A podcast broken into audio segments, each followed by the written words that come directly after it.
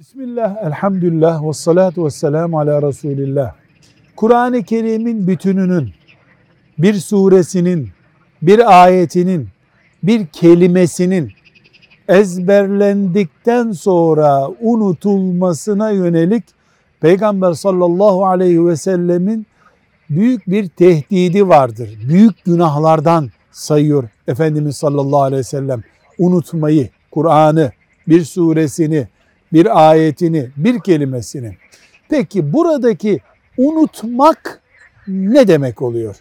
Mesela Yasin suresini biliyordum. Ne zaman bunu unutmuş sayılırım ben? Cevap, hiç ezberlemediğimle daha önce ezberlediğim aynı düzeye geliyorsa ben unuttum demektir. Mesela Yasin-i Şerif'i biliyordum, ezberledim. Fatır suresini ezberlememiştim. Ben Fatır suresiyle Yasin suresini aynı duruma getirmişsem kafamdan Yasin-i Şerif'i unuttum demektir. O günah hasıl olmuştur. Çaresine bakılması lazım. Velhamdülillahi Rabbil Alemin.